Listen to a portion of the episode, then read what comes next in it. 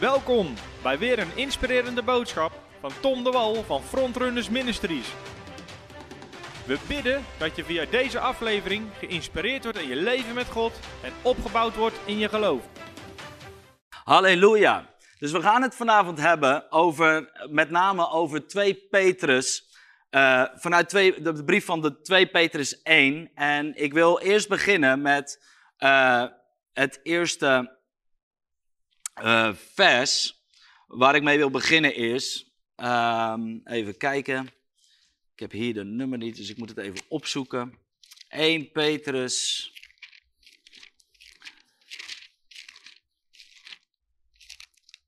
Twee Petrus bedoel ik. 2 Petrus. En daar staat.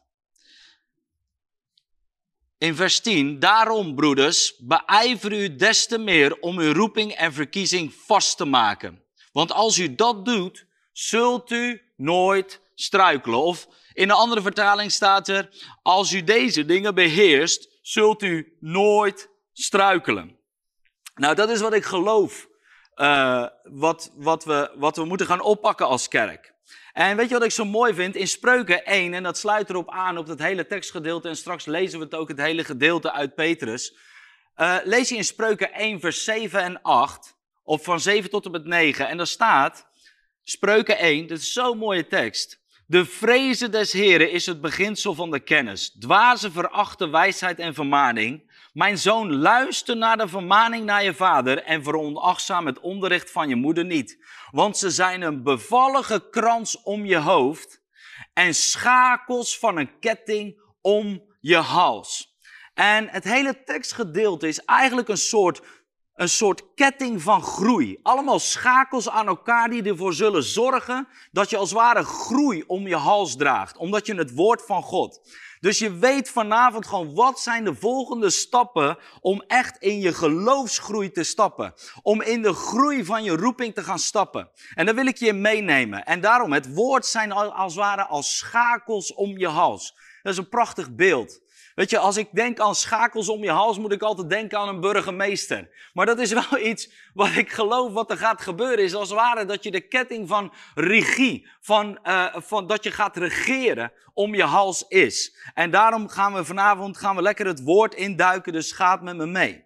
Allereerst wil ik het woord struikelen definiëren. En wat ik geloof over het woord struikelen. En wat de Bijbel zegt over je zult nooit meer struikelen. Wat bedoelen we daarmee?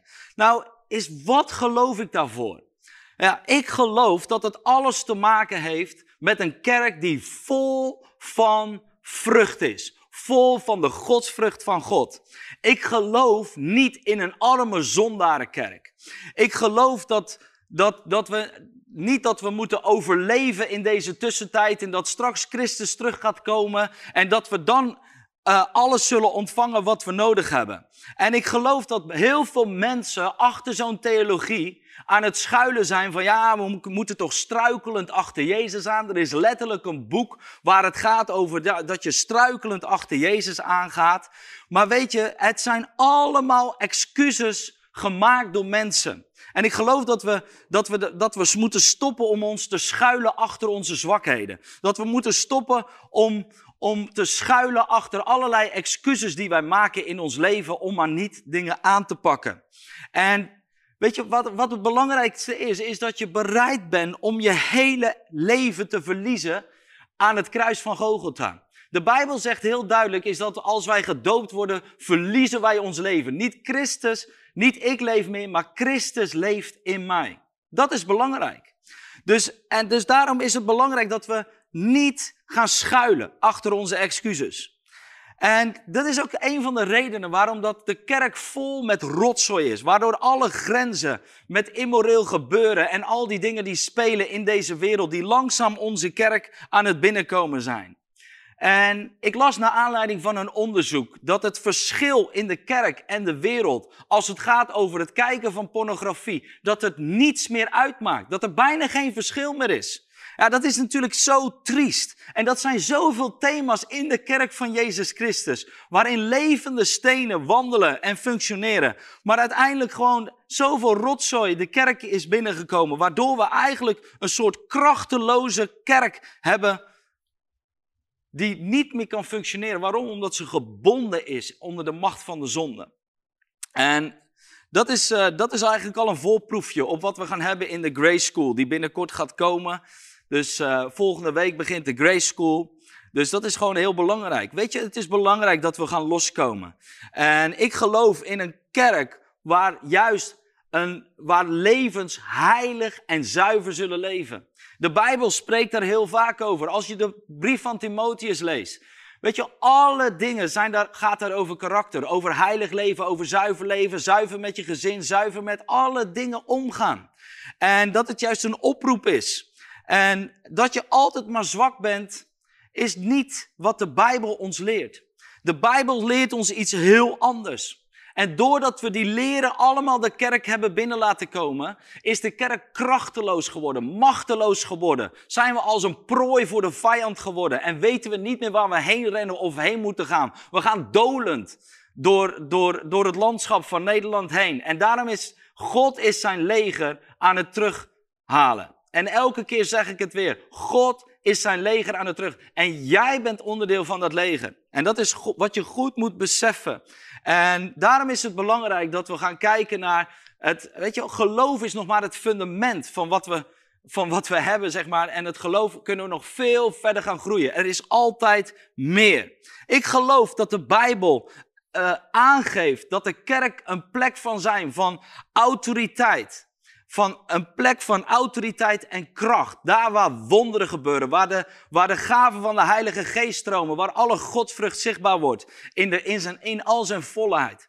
Ik geloof in christenen die zielen gaan winnen. Ik geloof in een kerk die zielen wint. Ik geloof in christenen die het koninkrijk en, en, en gebieden in bezit zullen nemen. Dat ze straten, dat ze uh, uh, hele, hele plekken in bezit zullen nemen. Dat ze hele provincies in bezit zullen nemen voor het koninkrijk van Jezus Christus. Dat er gewoon niet anders meer is, zoals bij Bethel. Daar hele gebieden gewoon apart gezet zijn. En dat de, dat de politie gewoon bijna niets meer te doen heeft, omdat ze onder de zalving en de kracht van de kerk functioneren. Waarom? Omdat ze op zijn gestaan in reinheid en heiligheid en een voorbeeld om deze dingen zijn. Ze zijn opgestaan tegen tegen het bolwerk van alle leugens en al die dingen. En ze hebben dingen verbroken. En ik geloof dat wij ook daar als Nederland naartoe mogen groeien. Dat we niet meer zo bescheiden hoeven te zijn, onze kerk in ons klein hoekje. Nee, wij zijn de kerk. Wij horen in het midden van de stad te zijn. We horen in het midden van ons dorp te zijn. We horen zichtbaar te zijn op alle gebieden.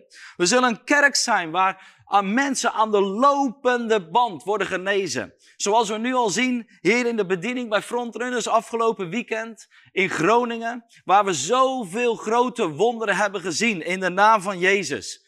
Dit is zo krachtig. Weet je, en, en dat, dat er een kerk is waar gewoon demonen niet meer, kunnen, niet meer kunnen blijven zitten omdat ze schudden, omdat de kracht van God er is. Dat is wat ik geloof voor de kerk. Ik geloof in mensen die hun leven verliezen en radicaal gekozen hebben om niet meer voor hunzelf te leven, maar voor Christus te leven en al hun zondige begeerten aan het kruis hebben geslagen en de verleidingen van de duivel weerstaan en zich onderworpen hebben aan God, zodat de duivel zou vluchten van de kerk in Jezus' naam. Dat de, dat de duivel al geen kans meer heeft om een deur binnen te komen, omdat hij bijvoorbeeld al vernietigd wordt door de glorie en de heerlijkheid van het huis van God, omdat het zo gevuld is met zijn heerlijkheid en glorie. Ik geloof in een kerk Waar steeds meer roepingen worden vrijgezet. Waar steeds meer bedieningen worden opgegroeid. Waar mensen worden toegerust tot het werk van dienstbetoon. Dat geen enkel persoon meer, weet je wel, niet meer in zijn roeping zal wandelen. Maar dat iedereen zal functioneren.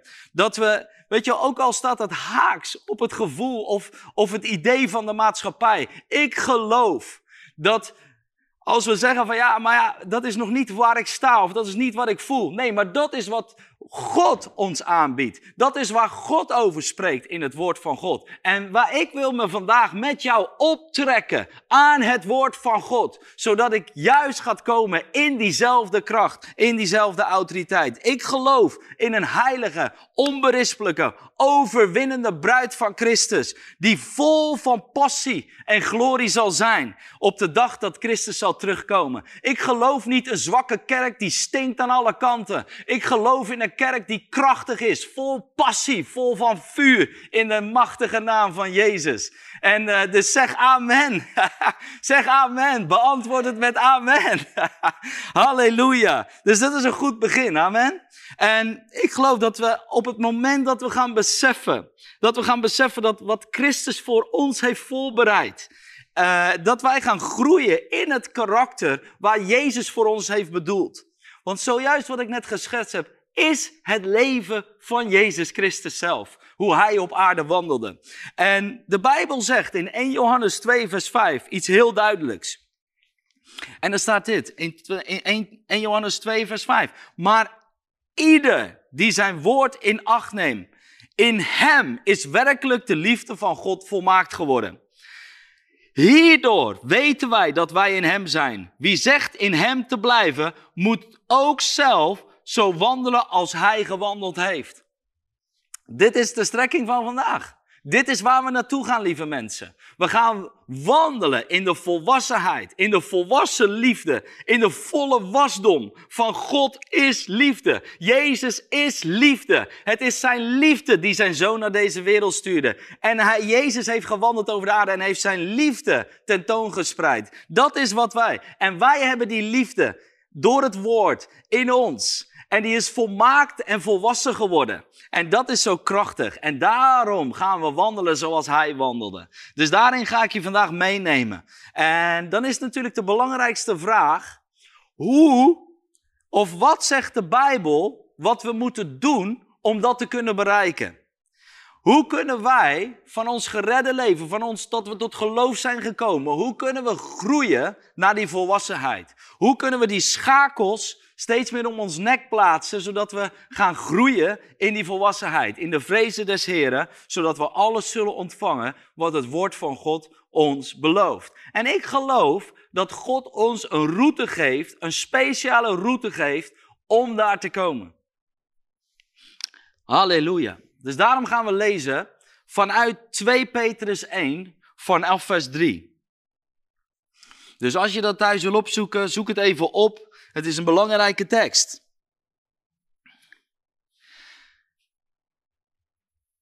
Daar staat, vanaf vers 3, immers, zijn goddelijke kracht heeft ons alles geschonken wat tot leven en godsvrucht behoort. Door de kennis van Hem, door de kennis van Hem die ons geroepen heeft door Zijn heerlijkheid en Zijn deugd. Daardoor heeft hij ons de grootste en kostbaarste belofte geschonken, opdat u daardoor deel zou krijgen aan de goddelijke natuur. Nadat u het verderf, dus verleden tijd, dat er door de begeerte in de wereld is, ontvlucht bent.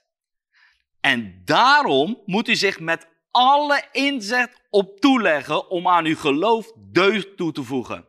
Aan de deugd kennis aan de kennis zelfbeheersing. Aan de zelfbeheersing volharding.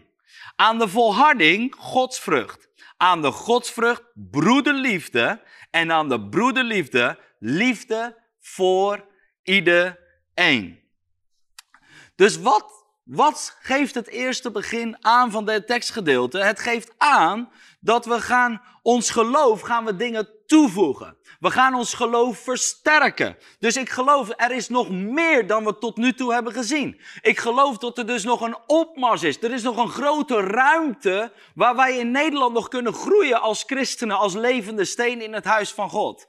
Dus daarom ga ik je daarin meezetten. Het zijn dus die schakels, zoals ik net al zei, om je hals. Die schakels van, die prachtige schakels. Het zijn volgens mij zeven schakels die, uh, die ik je vandaag wil meegeven. En ik ga ze gewoon eerst allemaal Eén voor één ga ik ze langs. En daarna zullen we het krachtig eindigen. Zullen we het duidelijk maken. Zullen, zullen we zien hoe die groei tot uiting zal gaan komen in jouw leven in Jezus' naam. Dus ga met me mee naar wat voeg je dan toe aan je geloof. Het eerste wat er gezegd wordt, voeg toe aan je geloof, is deugd.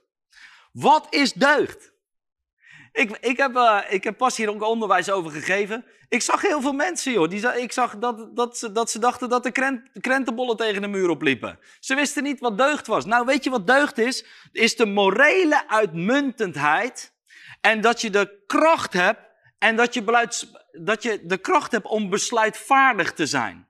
En dat is een ongelooflijk belangrijk ding in de kerk van Jezus Christus. En dat is ook heel belangrijk voor jou en voor mij. Want het is goed om te weten dat het belangrijk is om altijd in alles de juiste keuzes te maken. Weet je, de deugd is het resultaat van het voortdurend in het licht, het licht te kiezen in plaats van de duisternis. De deugd is het resultaat van het maken van allerlei beslissingen. En elke beslissing die een christen maakt, laat een spoor achter. Laat een spoor achter. Of het is goedheid, of het is, of, of het is een stinkende reuk. Dus dat is wat het achterlaat. Het laat ons altijd littekens achter als we verkeerde keuzes maken. Het maakt ons meer of minder het beeld van Christus. Dus alles heeft te maken om keuzes te maken. En God geeft ons de kracht, de goddelijke kracht heeft hij ons geschonken om uitmuntende keuzes te maken. Om sterke besluitvaardigheid te hebben in ons leven. En ik wil met je gaan naar Deuteronomium 30, waarin dat heel mooi ook beschreven wordt. En in Deuteronomium 30 vanaf vers 19 staat er dit.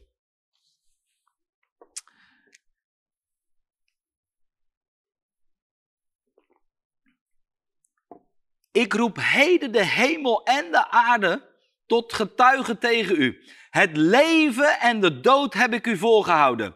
De zegen en de vloek. Kies dan het leven, opdat u leeft. Zie je? Keuzes maken het alles. Het leven zit vol met simpele keuzes. Het leven zit vol met lastige keuzes. Het leven zit vol met soms ingewikkelde keuzes die gemaakt moeten worden.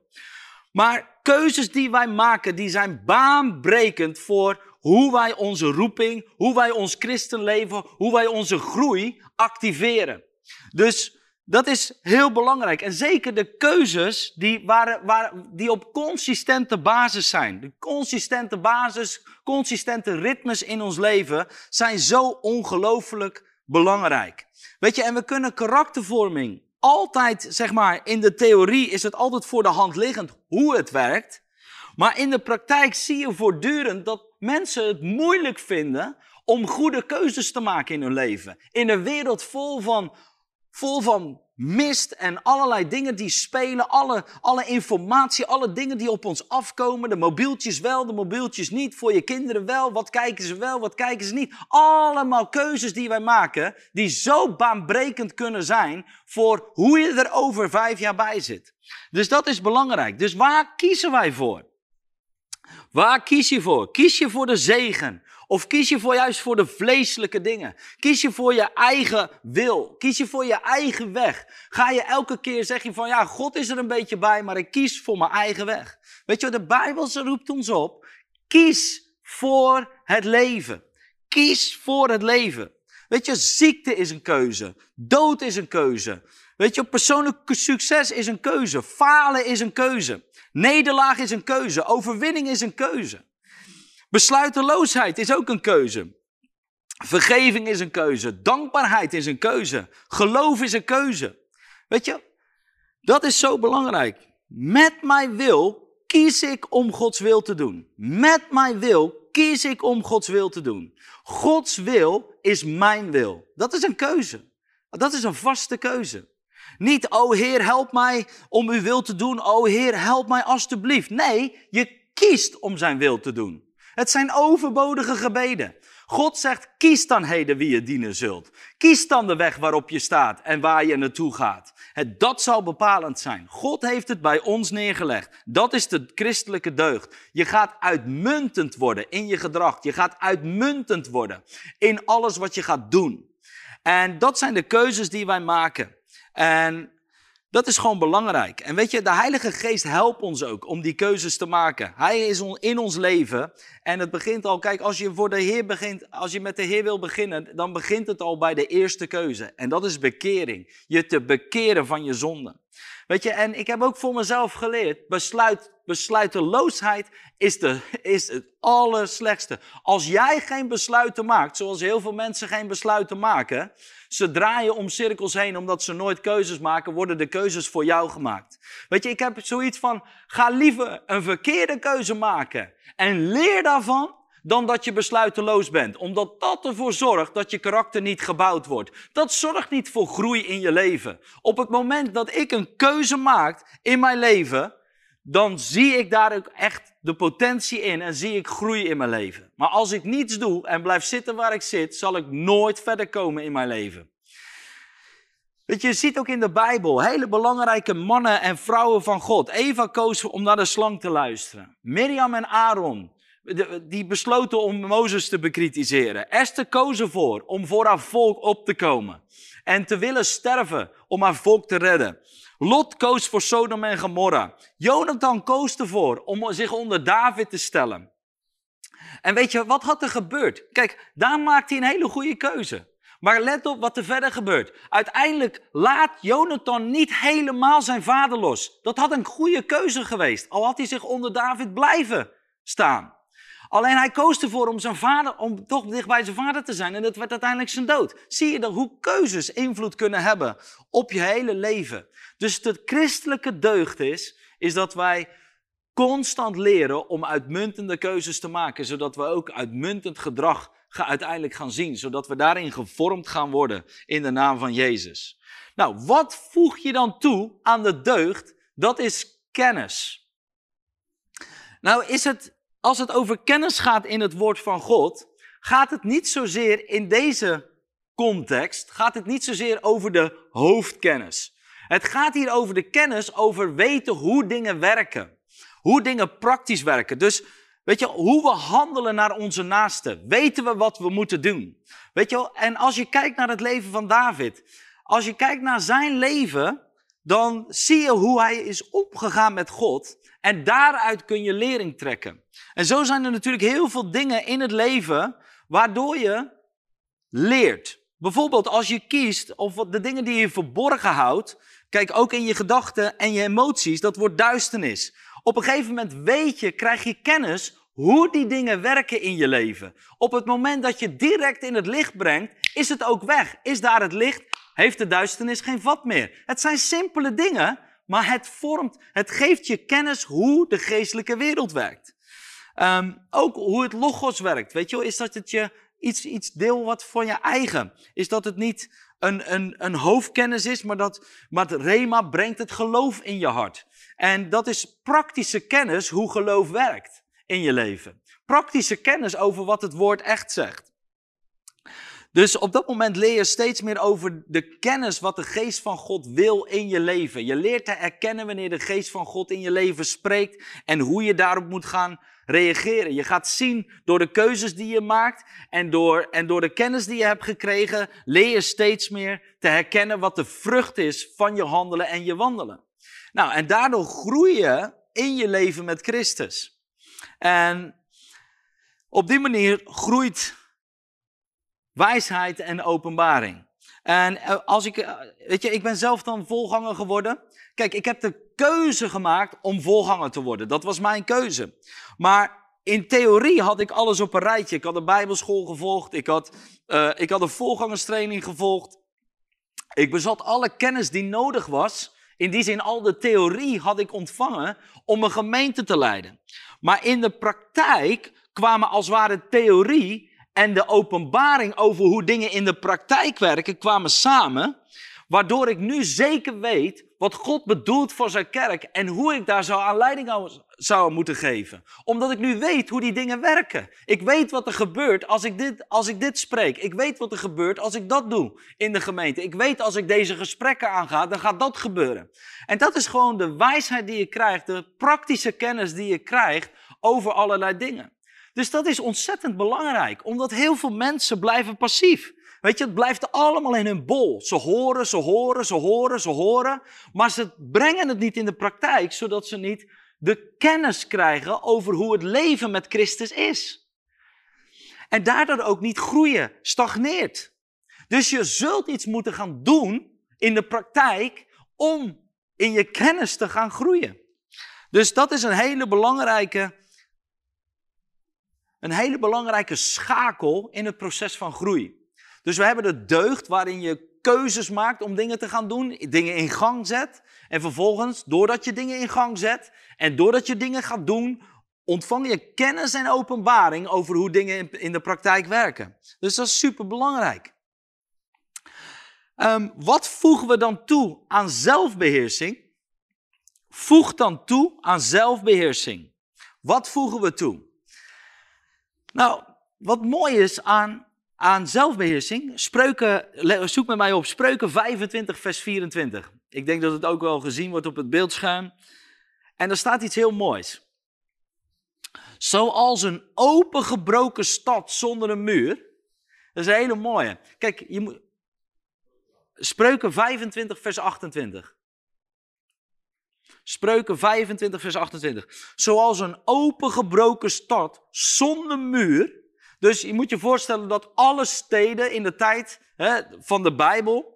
Um, waren daar ommuurd om de vijand tegen te houden, om rovers tegen te houden, om zeg maar de, de, de hele stad te beschermen tegen al het alle rotzooi die binnen wilde komen. Dus daarvoor waren die muren. En dan staat er, zoals een opengebroken stad zonder muur, is zo is een man of vrouw die zijn geest niet in bedwang houdt. Wow, dat is power. Dus daarin zie je dat zelfbeheersing heeft alles te maken met dat wij leren onszelf te beheersen op de terreinen van de aanvallen van de duivel. Dat we ons vlees leren kruisigen en al die dingen. Dat is een heel belangrijk onderdeel van zelfbeheersing. Maar in het Nieuwe Testament, dus het heeft heel veel een, een, een hele morele kant, zeg maar. Dat is heel belangrijk. En dus dat, het, dat je zelfdiscipline krijgt om dingen niet te doen. Of juist wel te gaan doen. Uh, maar in het Nieuwe Testament zie je dat God sowieso heel veel uh, waarde hecht aan het karakter van mensen. Aan het opbouw van karakter. Als je alleen al kijkt naar de brieven van Paulus, aan de brieven van Petrus, je ziet hoe belangrijk het thema karakter is. Als je leest, ik weet niet of je het weet, maar in Timotheus en Titus worden 28 volwaarden beschreven om oudste te worden. Wist je dat? 27 van de 28 dingen die genoemd worden, zijn allemaal karaktereigenschappen die de persoon moet hebben. En er is één bekwaamheid die de persoon moet hebben en dat is onderwijzen en opvoeden. Halleluja. Dus je ziet, God hecht enorme waarde aan zelfdiscipline, aan ook gewoon karaktervorming. Want dit is waar het over gaat. Karaktervorming binnen je roeping. En in het Nieuwe Testament heeft het woord zelfbeheersing nog eigenlijk een, een andere betekenis of een, eigenlijk een diepere betekenis. En dat is dat je eigenlijk een goed beheerder bent over wat God je heeft gegeven. En dat je een grote bereidheid hebt om God te dienen. En dat je jezelf leert weg te cijferen. En jezelf elke keer weer beschikbaar stelt voor Hem en nee zegt tegen je eigen verlangens. Dat is jezelf beheersen, zodat uiteindelijk datgene wat God je heeft gegeven, als een beheerder er ook uit gaat komen. En zodat het er ook echt zichtbaar gaat worden voor de mensen om jou heen. En dat is waarin je getraind wordt om in zelfdiscipline te staan. Ja, is, dat is heel belangrijk om in zelfbeheersing te wandelen. En in Spreuken 16, vers 32 staat ook weer zo'n grandioze grandioze tekst beschreven, waarin die je, die je echt gaat helpen. En die moet je bijna op je muur plakken of op je bord of op je, weet je, zo'n zo'n dingetje die je kan plakken op je, op je koelkast. Uh, maakt me niet uit hoe je het gaat doen, maar zorg dat die ergens zichtbaar wordt voor jou. Want hier staat, een geduldig man is beter dan een dappere held. Dus we kunnen schreeuwen, we kunnen van alles doen wat we willen, we kunnen onszelf overschreeuwen. Maar de Bijbel zegt, een geduldig man is beter dan een dappere held. Wie zijn geest beheerst, is beter dan wie een stad inneemt.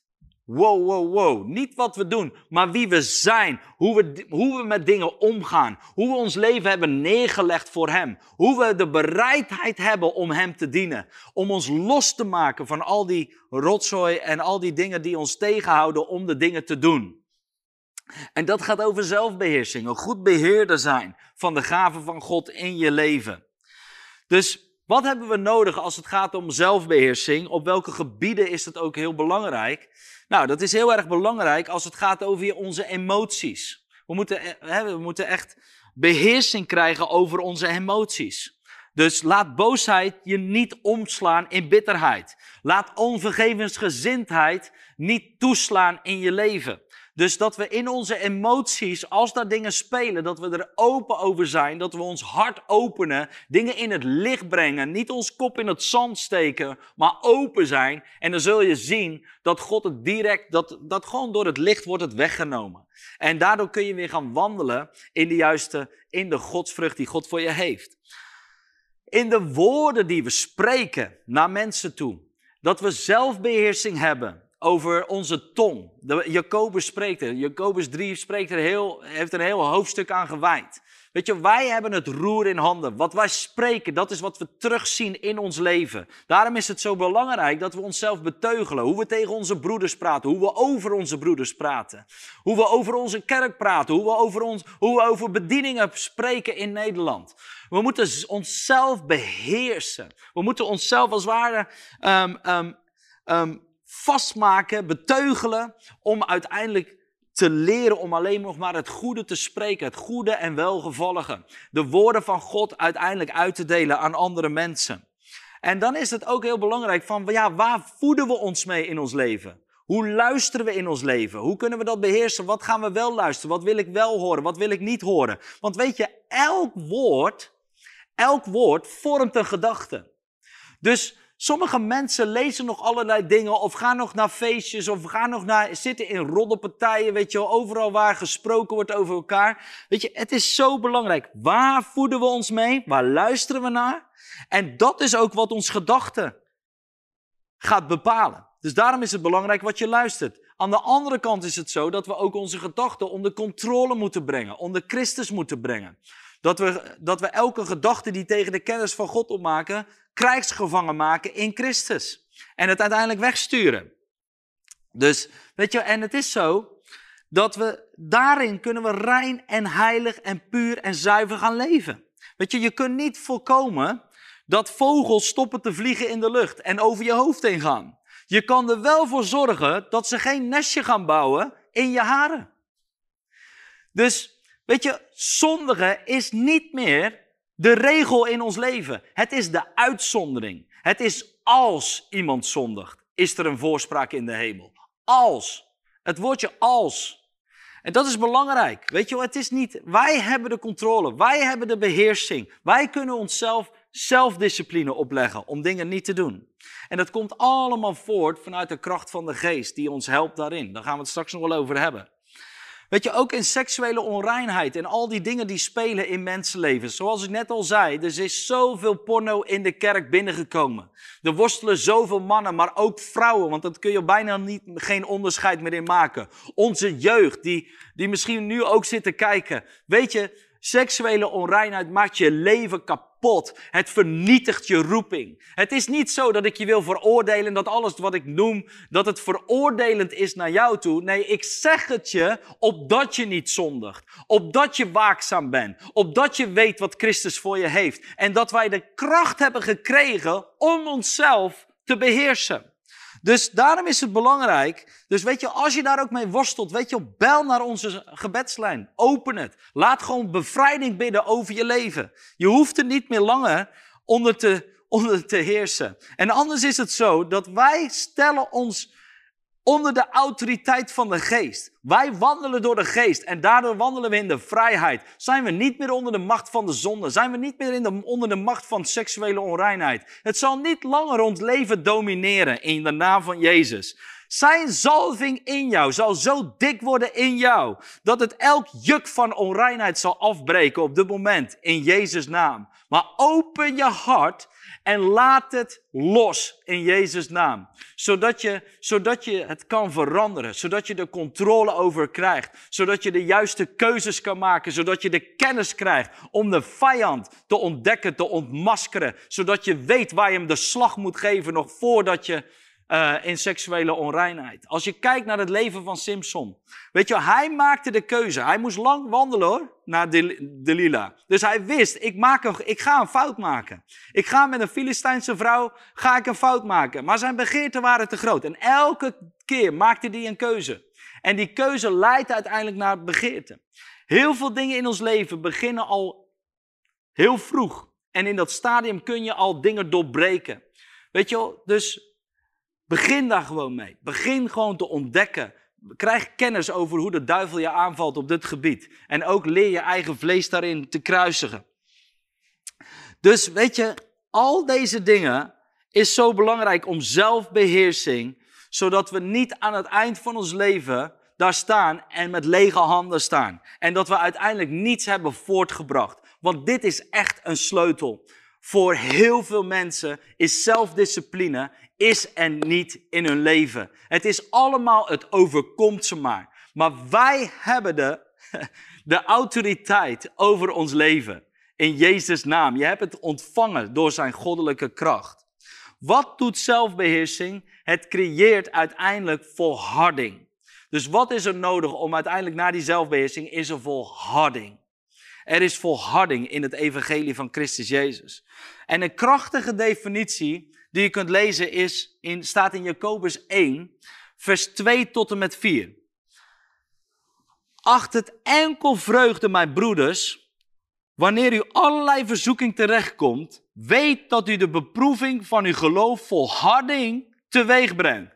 Maar laat, let op wat er staat. Dit is echt super gaaf ook. Want, maar laat die volharding ook volledig mogen doorwerken, opdat u volmaakt bent en geheel oprecht en in niets tekort zal schieten. Wauw, dus volharding zorgt ervoor is dat je steeds meer volwassen wordt in je geloof. Dus dat je vasthoudt aan bepaalde dingen en dat je doorgaat om door te stappen. Weet je, en ik heb in de 15 jaar dat ik nu wandel in, in mijn christelijke levenswandel, heb ik zoveel mensen op dit gebied heb ik zien afhaken. En ik wil je oproepen, volhard in de dingen van God. Volhard om uiteindelijk in de potentie en de roeping die God op je leven heeft gegeven. Volhard erin, zegt de Bijbel. Laat je niet door allerlei leugens omver, omvergeblazen worden en dat je stopt en aan de zijkant komt te zitten. Omdat alle glorie die God je heeft gegeven, Hij heeft immers zijn goddelijke kracht aan jou gegeven. Jij hebt deel gekregen aan de goddelijke natuur. Dus als je daarin volhardt, zul je zien wat de rijkdom zal zijn van jouw geloof. Zul je komen op de nieuwe levels van je geloof. Zul je meer doorbraken gaan zien in je leven dan ooit tevoren. Wees niet die persoon die aan het graven is en aan het graven is in een berg en op zoek is naar een gouden schat. Die aan het graven is en aan het graven is en eens geeft hij op. En als je uiteindelijk kijkt naar het plaatje, zie je dat hij nog maar één schep had moeten doen om uiteindelijk bij de schat te komen. Zorg niet dat jij die persoon bent. Sommige mensen zijn al jaren bezig met graven, maar ik wil je zeggen, volhard daarin. Want je zult uiteindelijk de kostbare beloften die God heeft gegeven, zullen in vervulling gaan. Niet voor mijn gevoel. Niet om wat ik altijd zie. Niet om wat ik altijd hoor om mij heen. Niet dat het altijd in Nederland zo geweldig is. Of dat het in onze kerk zo geweldig is. Maar op basis van het woord van God. Want het woord van God is de waarheid. En het zal doen wat hem behaagt in Jezus naam. En als je daarin aan vasthoudt, in volhard en blijft wandelen, zul je zien waarvoor je gelooft. En waar God zijn kostbare belofte. En waarom dat hij is gestorven aan het kruis van Golgotha. Het zal zichtbaar worden al voor de kinderen van God. In Jezus naam. Omdat is dat het belofte is. Als je tegenstand ondervindt en je volhardt. Er zal alles waar we nog nu toch in tekort schieten. In, misschien in gezondheid, misschien in financiën, misschien uh, op het gebied van reinheid. God zal het geven. Hij zal het aanvullen als wij volharden in Christus Christus Jezus en de weg blijven rennen. Abraham hield vast 25 jaar lang. En hij ontving de belofte. Jozef, die een droom en al vele jaren later door allerlei problemen heen moest breken. En hij heeft het volbracht. En uiteindelijk werd hij koning. En omdat hij heeft volhard, was hij klaar in zijn karakter om te schijnen en om onderkoning te worden. En hele volken te voeden met, met de liefde van de Vader. En om te doen wat God, Gods plan was voor Israël in Jezus' naam. Da Daniel had 50 jaar gediend voordat hij in de leeuwenkuil kwam en de leeuwen overwon en de engel daar stond. Weet je, God, het, soms moeten we vasthouden aan de beloftes die God heeft gesproken. Het is het fundament, want dan zul je zien hoe je roeping zal doorbreken. Hoe dingen in je leven die nu tekort schieten, zal gaan doorbreken in Jezus' naam. Verdrukking. Romeinen, Romeinen 5. En dit niet alleen, maar wij roemen ook in de verdrukkingen, opdat wij weten dat de verdrukking volharding teweeg brengt. En de volharding ondervinding. En de ondervinding hoop. Dus weet je, dat is wat het doet. Volharding, als wij volharden door verdrukking, door allerlei tegenstand die we ondervinden, komt er volharding. We zullen het ontdekken en we zullen doorgaan en we krijgen nieuwe hoop. En hoop is, is eigenlijk het fundament voor nieuw geloof. Waardoor, er weer, waardoor, er weer, waardoor we steeds meer door, door, doorbraken gaan zien in jouw leven. God is geïnteresseerd in ons karakter. Hij wil zijn karakter in jou bouwen. Maar jij moet bereid zijn om je hart open, te openen. Jij mag bereid zijn om jezelf te disciplineren. Jij mag bereid zijn om, om, om, om volhardend te zijn in datgene wat God aan jou heeft gegeven. Kijk naar een moeder Teresa. Deze mensen die volhard hebben in de godsvrucht. Zij die, zij die, zij die dat gedaan hebben. Zij die dat gedaan hebben. Weet je, die hebben indruk gemaakt op de wereld. Daar praten mensen nu over. Kijk naar een moeder Teresa. Kijk naar een Nelson Mandela. Kijk naar zoveel mannen van God die zijn doorgebroken. Weet je en jij bent ook een man van God. Jij bent ook een vrouw van God. Dus weet je, daarin mogen wij volharden. Volhard in Jezus' naam. En wat er dan gebeurt is, aan de volharding wordt Gods vrucht toegevoegd. Wat is Gods vrucht? Gods vrucht is wandelen zoals Jezus wandelde. Is wandelen zoals Hij wandelde. Weet je, in, in, in 1 Petrus 2 staat er ook, dat is dat wij gaan wandelen zoals Jezus wandelde. Matthäus spreekt er ook, wees volmaakt zoals God in de hemel volmaakt is. Is dat we als ware regeren over, over, over alles wat God ons heeft gegeven in zijn goddelijke kracht. En dat het ineens zichtbaar wordt door alle vruchten van de geest. Weet je, het zijn de uitgewerkte vruchten van de geest, die door heel je systeem zullen heen gaan en uiteindelijk tot uiting gaan komen op alle gebieden van je leven. Je bent doordrenkt met het karakter en het leven van Jezus. De passie die daarbij hoort en alles wat daarin is. Dat is allemaal in jou geplaatst door zijn goddelijke kracht. Komt die vrucht ineens zichtbaar, wordt hij daar. En, en dat is zo gaaf, omdat we dan uiteindelijk ons eindelijke doel bereiken. Is dat we vol in de broederlijke liefde zullen gaan wandelen. En dat we uiteindelijk liefde voor onze broeders krijgen en liefde voor alle mensen. Het hoogste doel van ons geloof is dat we wandelen vanuit de liefde van God. En ik geloof dat dit zo belangrijke schakels zijn in het koninkrijk van God. Weet je, als wij komen tot de liefde van Christus, als wij komen tot die plek van Gods vrucht en daarin de liefde zo zichtbaar wordt naar mensen om ons heen, dat we elkaar vergeven, dat we positief over elkaar spreken, dat we, dat we ons leven neerleggen voor onze broeders en zusters, dat we loyaliteit laten zien, dat we royaal zijn in het, in het geven aan anderen, dat we elkaar bemoedigen, dat we elkaar opbouwen, dan is daar die broederlijke liefde. Weet je, en de Bijbel zegt daar heel over, het is bijna apart onderwijs, omdat ik geloof dat het een enorm belangrijk fundament is voor elke christen. Maar het is uiteindelijk, we gaan van geloof, groeien we naar volwassenheid. Wat is volwassenheid? De Bijbel zegt het al in 1 Johannes 2, daar zijn we mee begonnen. 1 Johannes 2, waar de Bijbel zegt, en de volwassenheid, doordat de liefde is volwassen in jou geworden. Dat is uiteindelijk Datgene wat we nodig hebben. En dat is het fundament waarop we wandelen, zodat we zijn zoals Jezus was in deze wereld. En dat is uiteindelijk waar we doorbreken in onze bediening. Dat is waar we doorbreken in onze reinheid. Want weet je wat er staat? In Romeinen 13, vers 10 staat: Wees niemand iets schuldig dan elkaar lief te hebben. Want wie de ander lief heeft, heeft de volledige wet vervuld in Christus. Dus als wij de wet vervuld hebben, Christus heeft de wet vervuld. Daardoor zitten we niet meer onder de wet, maar zijn we geplaatst in de liefde van Christus. En de liefde van Christus heeft alles doorbroken in Jezus' naam. Dat is toch geweldig? Dus daarom, we komen tot die plek waar de liefde van God volmaakt is geworden. Romeinen 5 vers 5 zegt, is dat de Heilige Geest, door de Heilige Geest is de liefde van God in jouw hart uitgestort. In de naam, ja, dat is geweldig. Is de liefde van God, de agape liefde van God, is in jouw hart uitgestort.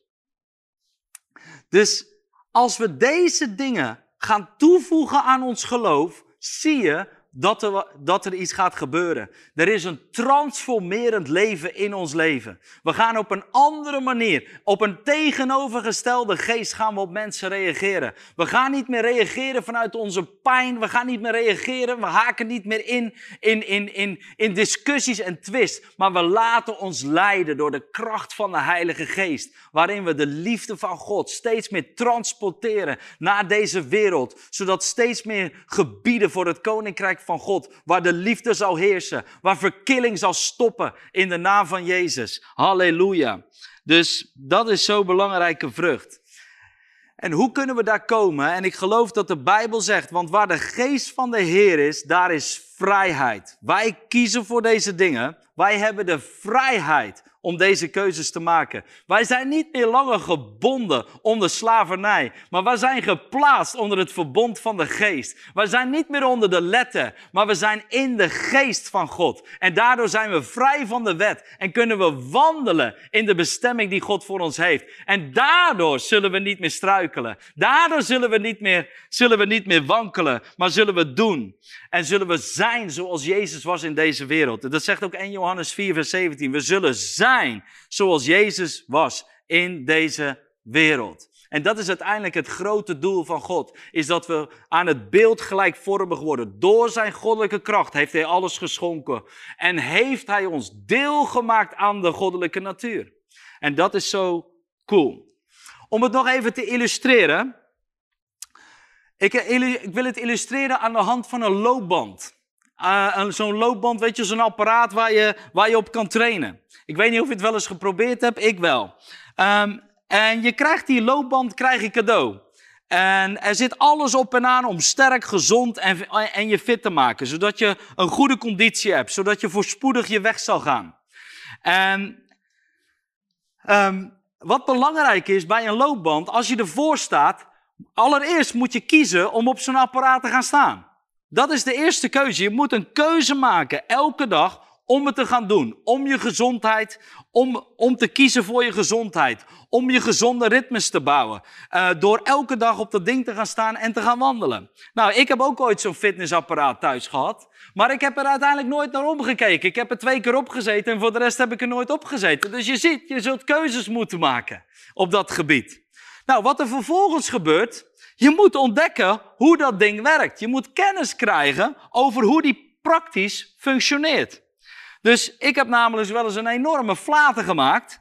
Uh, ik wilde, ik heb echt zo'n ding, uh, dus ik moest op zo'n knop drukken, maar ik snapte het niet. Dus ik drukte te hard. En toen ineens ging dat ding heel snel en ik viel voorover met mijn zo op die plaat. En ik gleed er zo vanaf. En iedereen moest natuurlijk lachen en iedereen vond het fantastisch. Want Steven die lag er helemaal op zijn plaat te gaan.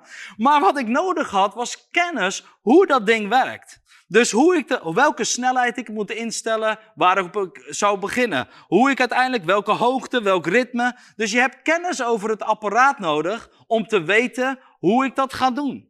Nou, wat er dan gebeurt is, Je begint op een gegeven moment beheersing te krijgen over de groei en het proces. Want je begint door de kennis van het apparaat gebeuren er geen lachdekkende dingen meer. Je struikelt niet elke keer meer. Nee, maar je hebt zelfbeheersing. Je weet wat je moet doen. Je, je krijgt beheersing over dat apparaat. Jij weet het nu beter dan het apparaat zelf. Dus jij stuurt het apparaat aan. In Jezus' naam. Dus dat is heel belangrijk. En daardoor krijg je ook weer ruimte om anderen uit te leggen hoe het werkt. Nou, en op het moment dat je dus blijft volharden om op die band te blijven staan en je, blijft, je blijft jezelf uit te dagen. En terwijl je moe bent en terwijl dat je misschien een slechte benen hebt die dag of dat je spierpijn hebt of wat dan ook. Je blijft doorgaan in het ritme van die band. Je blijft doorgaan, je gaat er toch elke keer opstaan. En daardoor merk je dat je steeds meer hardheid krijgt, fitheid krijgt, dat gezondheid steeds meer terugkomt in je leven en dat je steeds meer doorzettingsvermogen krijgt. En op die manier ontstaat vertrouwen en geloof. En dan, wat je dan, op een gegeven moment ben je dus klaar om fit, gezond, vitaal in het leven kun je je dingen gaan doen. En je gaat niet meer zomaar struikelen. Waarom? Je, je, je bent niet meer snel moe, je bent niet meer uh, snel afgeleid, want je weet, je hebt een focus, je, je weet dat je de race moet rennen, je weet waar je naartoe moet. Je bent volhardend in de weg die je moet gaan. Weet je, om, weet je omstandigheden en tegenslagen, die zullen je niet meer weerhouden om te doen wat je moet doen. Dus dat is, dit is zo'n belangrijk beeld naar wat ik net heb gedeeld.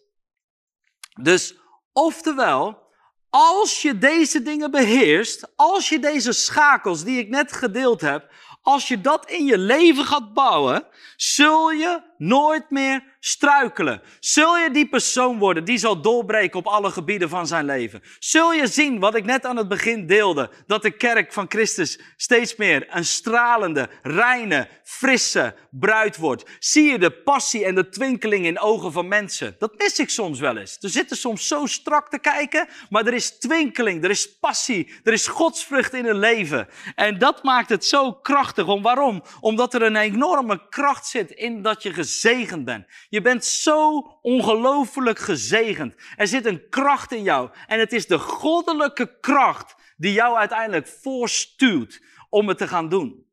En dit is zo belangrijk om dit te weten. En de transportband brengt alles in versnelling uh, in je leven. En het brengt uiteindelijk dat je in gaat spannen om jezelf te trainen in het beeld van Christus, is dat je steeds meer gaat komen op het niveau van liefde waarin alles gewoon begint te vloeien vanuit het leven van Jezus. Dus daarom zegt de Bijbel dat als we daarin gaan wandelen, leer je en krijg je steeds meer kennis over hoe je moet wandelen zoals Christus wandelde hier op aarde. En dus je gaat niet meer proberen, je gaat niet meer proberen Jezus te imiteren en het na te doen.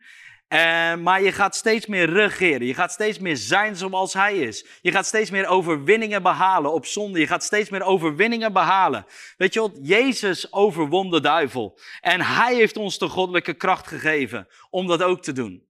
Uh, hij overwon ziekte en zette mensen vrij van ziekte. En hij heeft zijn goddelijke kracht aan jou gegeven om datzelfde te doen. Hij geeft jou de kracht om keuzes te maken en om in de geest van God te wandelen, zodat je stralend en rein gaat worden in dit leven. En heel veel mensen denken dan nog steeds, ja, maar ja, we struikelen toch allemaal, we hebben het toch allemaal moeilijk mee. Nou, ik zou je nog één ding vertellen voordat ik zo ga eindigen. Want ik zie dat de tijd heel snel gaat momenteel. In Ezekiel 36 gaat het profetie al over het nieuwe verbond. En dan zegt hij, ik haal het oude versteende hart uit je binnenste, uh, zal uit je binnenste worden gehaald. En dat je een nieuw hart krijgt die maakt dat je naar zijn inzettingen zal wandelen.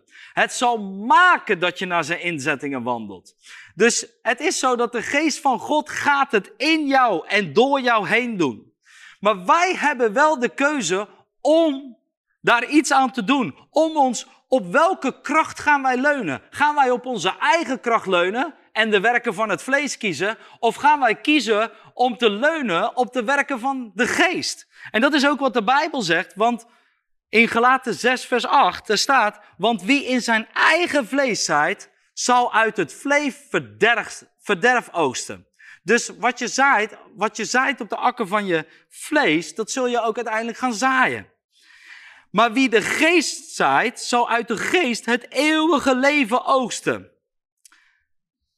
Ja, dan zou je denken, ja, maar, ja, maar de, je kan toch nog kiezen, ja, ja, maar ja, ik kies nou eenmaal veel voor het vlees. Dat zit nou eenmaal in mijn zondige natuur. Wij hebben geen excuses meer. Waarom? Als wij, als wij de geest van God in ons hebben, hebben wij een nieuw hart gekregen. En het is de geest van God die maakt dat wij naar zijn inzettingen wandelt. Er zijn zoveel mensen die staan voor dat apparaat en die staan te kijken, oh ja, het is allemaal genade hoor. Het is allemaal zo genade. Oh, kijk eens broer, wij kunnen ook helemaal niks. We zijn zo zwak. We kunnen het allemaal niet volbrengen in het leven en we zijn ook maar zwakke mensen. Maar de Bijbel zegt, in, in het begin van het hele hoofdstuk van Petrus staat er zo duidelijk dat wij ons moeten toeleggen om aan onze geloof. Dus wij moeten ons inzetten en, toele en toeleggen om aan ons geloof dingen toe te voegen.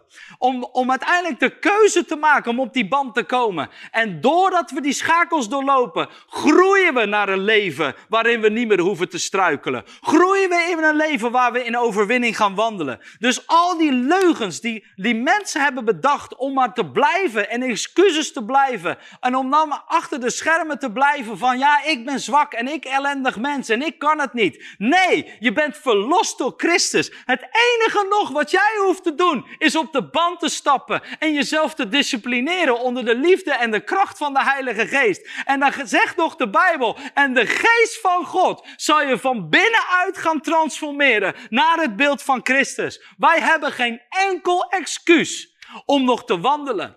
Als mensen nog steeds denken, en ik zag het al in de berichten, ja, maar dat kan toch niet, want we zijn allemaal vleeselijk, we zijn allemaal zwak. Je gelooft in een leugen. Het is vergif vanuit de hel. Het houdt je tegen om in je roeping te wandelen. Mensen moeten weer gaan geloven dat dit is het woord van God. Dit is de standaard van God voor jouw leven. En dit is wat de Bijbel zegt. Dat wij, als wij deze dingen gaan beheersen, dat we juiste keuzes maken, dat we kennis krijgen hoe dingen praktisch werken, dat we zelfbeheersing leren over ons leven, dat we gaan wandelen in volharding en uiteindelijk zullen we de vrucht en de volmaakte liefde zal ons volwassen maken in Christus, zodat alle godsvrucht, zowel in de kracht en zowel in ons hart, zowel in het leven van Jezus wat zichtbaar wordt, zal gezien worden in Nederland.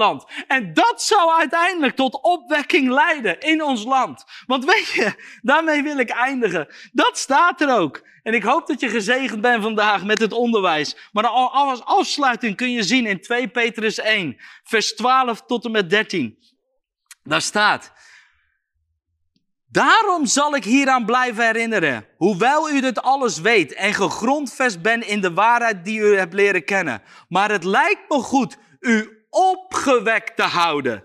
Door het telkens opnieuw onder de aandacht te brengen zolang ik in mijn tent verblijf. Zie je, voor Paulus of voor Petrus was het belangrijk. Het was een belangrijke boodschap van opwekking. En ik hoop dat je vandaag zoveel opwekking in je hart, dat je nieuwe sleutels zal hebben om in opwekking te gaan wandelen in de machtige naam van Jezus. En ik wil je daarmee echt zegenen, want ik geloof, dit is voor mijn leven de sleutel geweest, waardoor ik karakter heb gepakt. Dit is de sleutel voor mij geweest om in overwinning te bewandelen. Dit is voor mij de keuze geweest dit is voor mij de sleutel geweest om altijd vol passie en enthousiasme door te gaan. Ondanks dat ik ziek werd, ondanks dat er tegenslagen waren, ondanks dat ik soms nog dingen niet ziet in mijn leven. Maar ik heb besloten om vast te staan in het woord van God en de volle glorie en de wasdom over Nederland te zien. Ik ben erbij als de opwekking van God mee gaat uitbreken. Mij zul je zien op de straat. Mij zul je zien in de opnieuw gestarte kerken en de nieuwe wijnzakken die, die er zullen zijn in Nederland. Want dit is de boodschap waar zoveel mensen en het lichaam getraind gaat worden. En wat er dan gebeurt is, dan zijn we niet meer die open muren, maar zijn we gesloten in de vesting van God, in Christus geplant en gegrondvest, zodat we niet meer zullen wankelen, niet meer zullen struikelen in de naam van Jezus. En daarmee zegen ik jou in Jezus' naam. Halleluja. Amen. Amen. Ik hoop dat je genoten hebt vandaag van de Voice of Faith. Volgende week beginnen we met de Grace School. Dus uh, als je nog uh, fysiek daar, uh, aan, als je daar nog fysiek bij wil zijn, geef je op via onze website in onze linktree. kun je bij onze agenda zien, kun je aanmelden voor deze avonden. Geef je zeker op, omdat ook het verlengde van deze boodschap zal Tom veel meer uit gaan diepen over de genade van God in jouw leven. Um, in maart hebben we een revival week. Een revival week. En um, geef je op ook daarin via de website. Van 1 tot en met 4 maart gaat er een geweldige uh, revival zijn in Ede. Er is overal revival. Revival is nu overal. Uh, maar ik geloof dat je daar weer geactiveerd gaat worden. De kracht van de Heilige Geest zal neerdalen. Grote wonderen, bevrijdingen. Uh, mensen die gedoopt worden. Er zullen weer grote dingen. Er zal weer een enorme schakel, nieuwe schakel aan toegevoegd worden. Tot wat we tot nu toe hebben gezien. Dus daarin uh, zeker wil ik je van harte aanbevelen om je daarvoor aan te melden. Het alles staat al open, dus ga zeker naar onze website en meld je aan. Uh, als je partner wilt worden van, van frontrunners, geloven we, we geloven in voor een nieuwe overvloed aan partners. Dus, um, en we geloven, we zien gewoon heel veel gebeuren in het koninkrijk. We zijn als frontrunners zoveel mooie dingen gaan doen. En het is zo mooi als jij kan meebouwen. Als jij financieel partner kan worden. Zodat je deelgenoot wordt van die zegen van God in je leven. Dus weet je, word partner van, onze, van de bediening frontrunners. Zodat we meer en meer alles nog meer uit kunnen breiden als het gaat over het koninkrijk van God en alle activiteiten die we nu al doen. Dus daarin mag je deelgenoot zijn. Dus voor nu, ik wil je heel veel zegen, heel zegen, een zegen over je uitbidden. En uh, tot uh, volgende week, als, uh, dan is Tom er weer met de eerste avond van de Grace School. In Jezus' naam, wees gezegend. Amen. Halleluja. Hallo, Tom de Wol hier en bedankt dat je weer geluisterd hebt naar onze podcast. Ik bid dat het je geloof gebouwd heeft en je bemoedigd bent. Als je niet alleen een luisteraar van onze boodschap wil zijn, maar ook een verspreider daarvan, wil ik je uitnodigen om partner te worden van Frontrunners. Door jouw maandelijkse donatie help je ons om dit evangelie van Jezus Christus en het woord van God over heel de aarde te brengen. Om partner te worden, ga naar www.frontrunnersministries.nl slash partners en word partner. Hartelijk bedankt en tot snel. Heb je ook zo genoten van deze inspirerende boodschap van Tom de Wal? Abonneer je dan op deze podcast. Volg ons op Facebook en op Instagram en kijk op onze website frontrunnersministries.nl.